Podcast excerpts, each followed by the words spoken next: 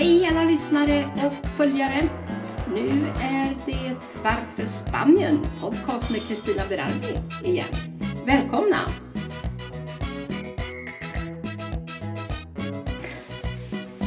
Nu är vi tillbaka igen och jag tänkte prata lite grann om mina morgonrutiner.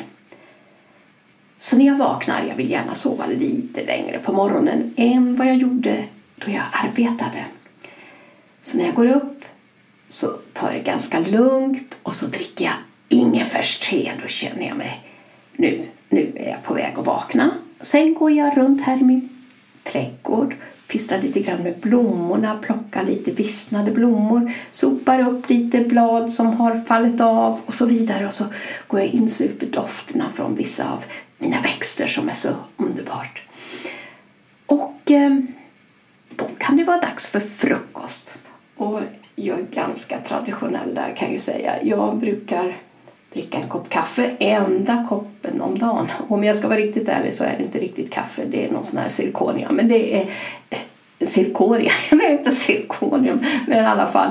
Eh, för jag, kaffe, vanligt riktigt kaffe, det är lite för starkt för mig. Oavsett så äter jag en liten smörgås och så dricker jag nypressad apelsinjuice. Det har jag varje morgon.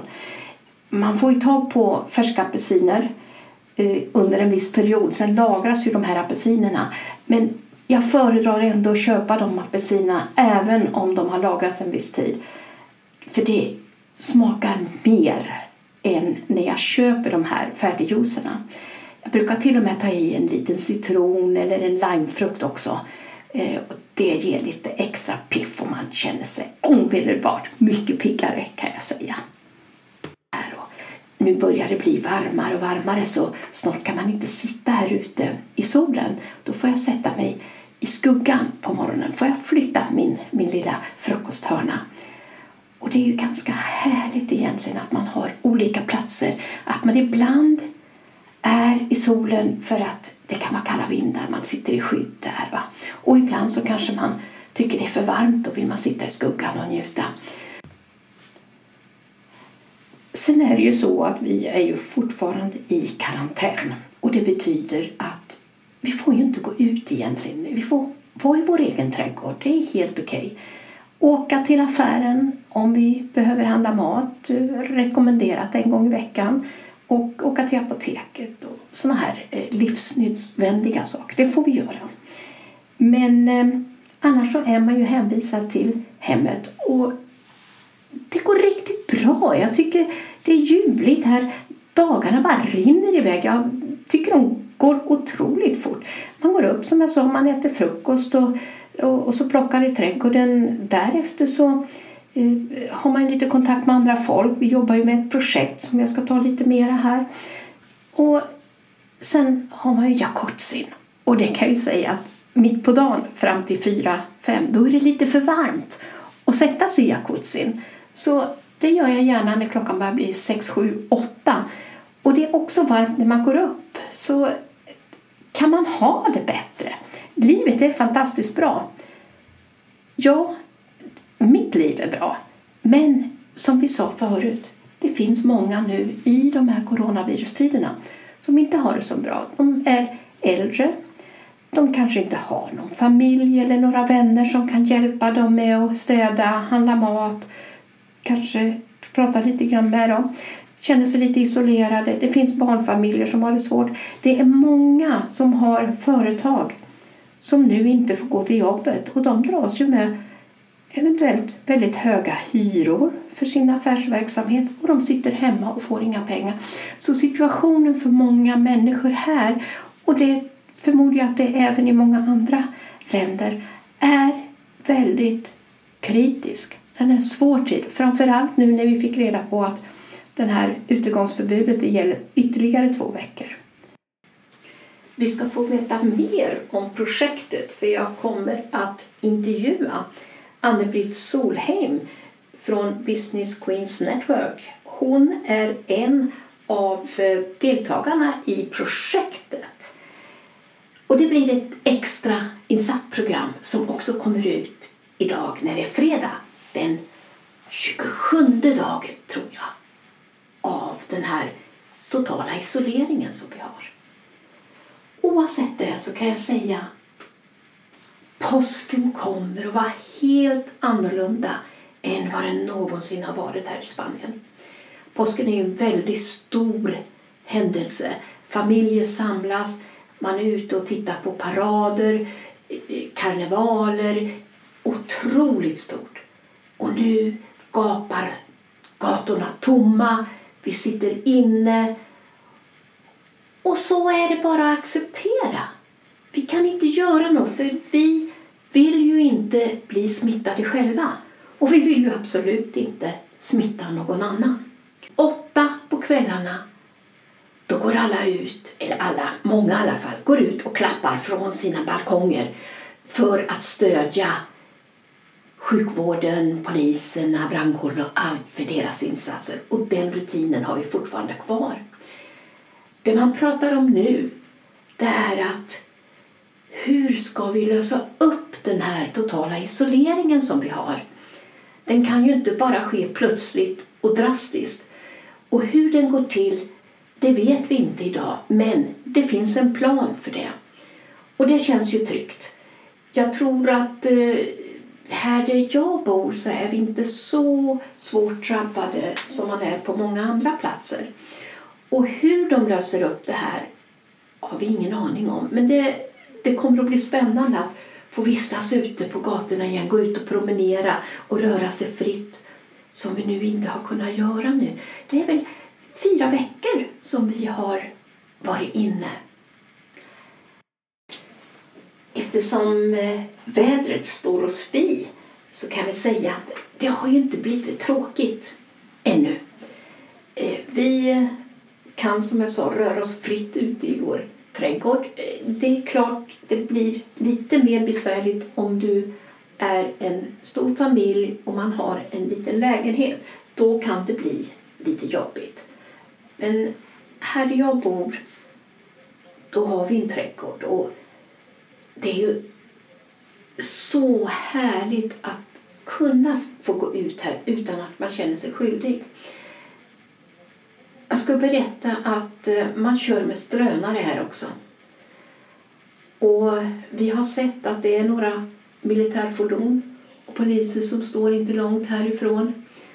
Och vi antar att det är de som kör drönarna för att hålla koll på just det här med urbanisationerna.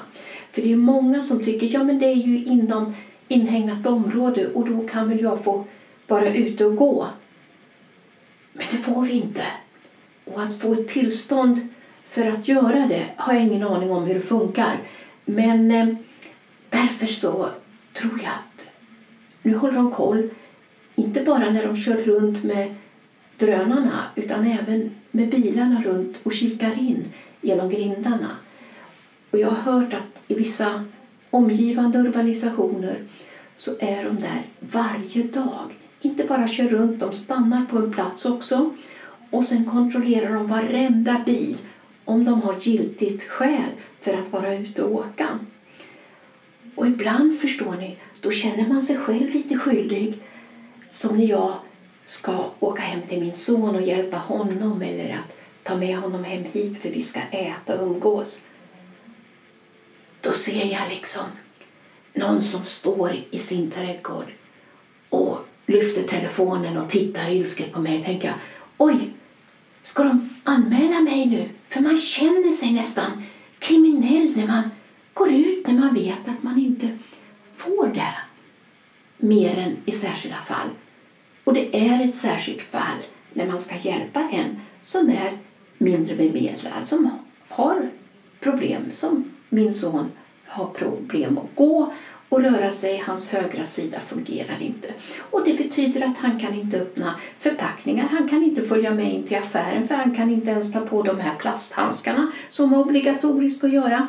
Och Därför så måste jag åka och handla till honom, åka hem till honom, bära in maten, ta, öppna alla förpackningar och så vidare. Hjälpa honom med tvätten, städningen för att städningen funkar inte nu. Städerskan får inte åka hem till oss längre och då måste man klara det själv. Så det är lite olustigt skulle jag vilja säga när man går ut och sätter sig i bilen och åker dit för att hjälpa honom med någonting. Men eh, man har ju möjlighet till det, så det är inget att vara orolig för. Det som känns lite extra konstigt är faktiskt att man har vant sig, jag har vant mig vid det här livet. Det har blivit lugnare på gatan, det har blivit lugnare överallt förutom projektet då som jag jobbar med. Där sitter jag hela tiden och eh, jobbar med min dator och ringer samtal och pratar med människor och, och så här. Men bortsett från det så har man funnits i den här isoleringen och man känner en annan harmoni. Så det finns ju ingenting som inte för med sig något gott. Och jag vill understryka det igen att man kommer till affären, hyllorna är välfyllda, vi tar på oss våra hörs hörselskydd, munskydd. Vi tvättar oss med sprit, tar på oss plasthandskar, tvättar eh, på själva kundvagnen. Handtaget, ni vet, tvättar man med sprit och så går man in. Och när man går runt omkring så håller man distansen till de andra kunderna. Och man får inte vara mer än ett visst antal i samma affär. Man får bara köpa matvarorna och förnödenheter såsom tvål, schampo, tandkräm och så vidare. I min närmaste affär kan man ju normalt köpa husgeråd, kläder, utemöbler, tv-apparater och så vidare och så vidare. Det har man som sagt var spärrat av. Och, men det är helt okej. Okay. Man känner okej, okay, man respekterar det. Det är faktiskt också så att om kylskåpet eller någon sån där viktig funktion skulle gå, varmvattenberedaren eller luftkonditionering eller något sånt där, så har man faktiskt rätt att få hjälp. Företagen där man är kund i, de har skickat meddelande. Händer det någonting, då finns vi här och hjälpa er. Och det tycker jag också är bra att man har den servicen. Jag fick också reda på av en av mina väninnor att eh, där hade de ringt från vad det nu var, hälsomyndigheten här, centralen, och frågat hur de hade, om de mådde bra och allt var okej, okay, om de behövde någon hjälp. Det är ju fantastiskt att de gör det. Ingen har ju ringt mig i alla fall, men det kanske de gör. Men det visar ändå att de har lite koll på oss, hur vi, hur vi har det och frågar så att allt ska fungera bra för oss. Och det kan ju hänga samman med att man nyligen uppsökte sjukvården för man var väldigt sjuk och då gör de en uppföljning på ett helt annat sätt än man har gjort innan. Så det känns tryggt på det sättet också. I den här urbanisationen som jag bor i så har det minskat på folk. För det var ju några som kom ner innan utegångsförbudet trädde i kraft. Och då ville ju några åka hem till sina hemländer. Och då var det svårt att få tag på flyg, helt enkelt. Så några valde helt enkelt att ta med bilen som de har här nere i Spanien och köra hem. Några stycken har slagit ihop sig så de åker två, tre, fyra bilar hem. Och då har man kanske varit orolig när man hör att hotell stängs, restauranger stängs. Och hur ska det gå? Men eh, jag tror alla som har satt sig i bilen och åkt till Sverige, Norge och Danmark och var de nu åker, de har kunnat ta in på hotell och de har kunnat fått mat. Och de har till och med sagt att har vi inte köket öppet då, om vi vet när ni kommer så tar vi catering så att ni kan få mat innan ni går och lägger er och att ni får frukost här innan ni åker. Så det verkar, och det gäller ju då i hela Europa och det, det tycker jag också är superbra att de förstår att vissa måste helt enkelt sätta sig i bilen. Vi eh, undrar nu, eller jag undrar också, eftersom påsken är så stor, många kommer ner och vi är kanske bara ett tiotal och det kommer att vara några till som åker härifrån. Men hur blir det sen när vi löser upp det här undantagstillståndet? Kommer folk att komma hit som de brukar göra på sommaren? Hur, hur det med flygbolagen? Hur blir det nu att hitta en resa och komma hit? Människorna i de andra länderna kanske också har varit arbetslösa. Restauranger har stängt. Man jobbar på en restaurang eller en bar eller inom någon verksamhet där man har permitterat människor. Och då kanske man inte har råd att åka på en semester heller. Så jag tror den här sommaren kommer att skilja sig väldigt mycket från tidigare somrar då vi är överfyllda av människor i urbanisationen. För det är många som hyr ut bostäderna här också. Och just nu så får man inte hyra ut några korttidsboenden. Korttid är ju då för en vecka, två eller något sånt där. Däremot det som tidigare hade hyrt under en längre period, runt ett halvår eller år, de får fortfarande vara kvar här. Det är inga problem. Men just de här korttids och hur man får igång den verksamheten direkt efter när man löser upp undantagstillståndet, det har vi ingen aning om hur det kommer att fungera. Kommer det att vara lika mycket folk här i poolen som andra år? Jag, jag tvivlar, jag tror inte det faktiskt. Men det återstår att se. Det kanske blir mer plats för oss på stränderna också, inte bara i poolen. För på stränderna på sommaren, då är det massor med folk. Det kryllar av folk överallt. Och det man längtar till just nu, det är ju det här att komma ner på stranden, sätta sin Chiringuito, en strandbar, äta något gott, något tapas. Till exempel såna här skinkkroketter. Salmon de, de, de, de, de jamon. Croquetas de Samon, menar jag, nu blandar jag språk här också. Och ta sig ett glas vin eller något, sitta med fötterna i sanden och känna havets dofter komma in i näsborrarna och värmen gör resten för att man ska känna att det är en njutning att vara där. För det är fantastiskt vid havet. Och som tur är så har vi ju inte haft några större oväder nu. Och på de här stränderna brukar ställas i ordning efter vintern. De tar bort all sån här eh, sjögräs som har flyttit i land, rensar stränderna, rengör dem, kommer dit med ny fräsch sand och lägger upp.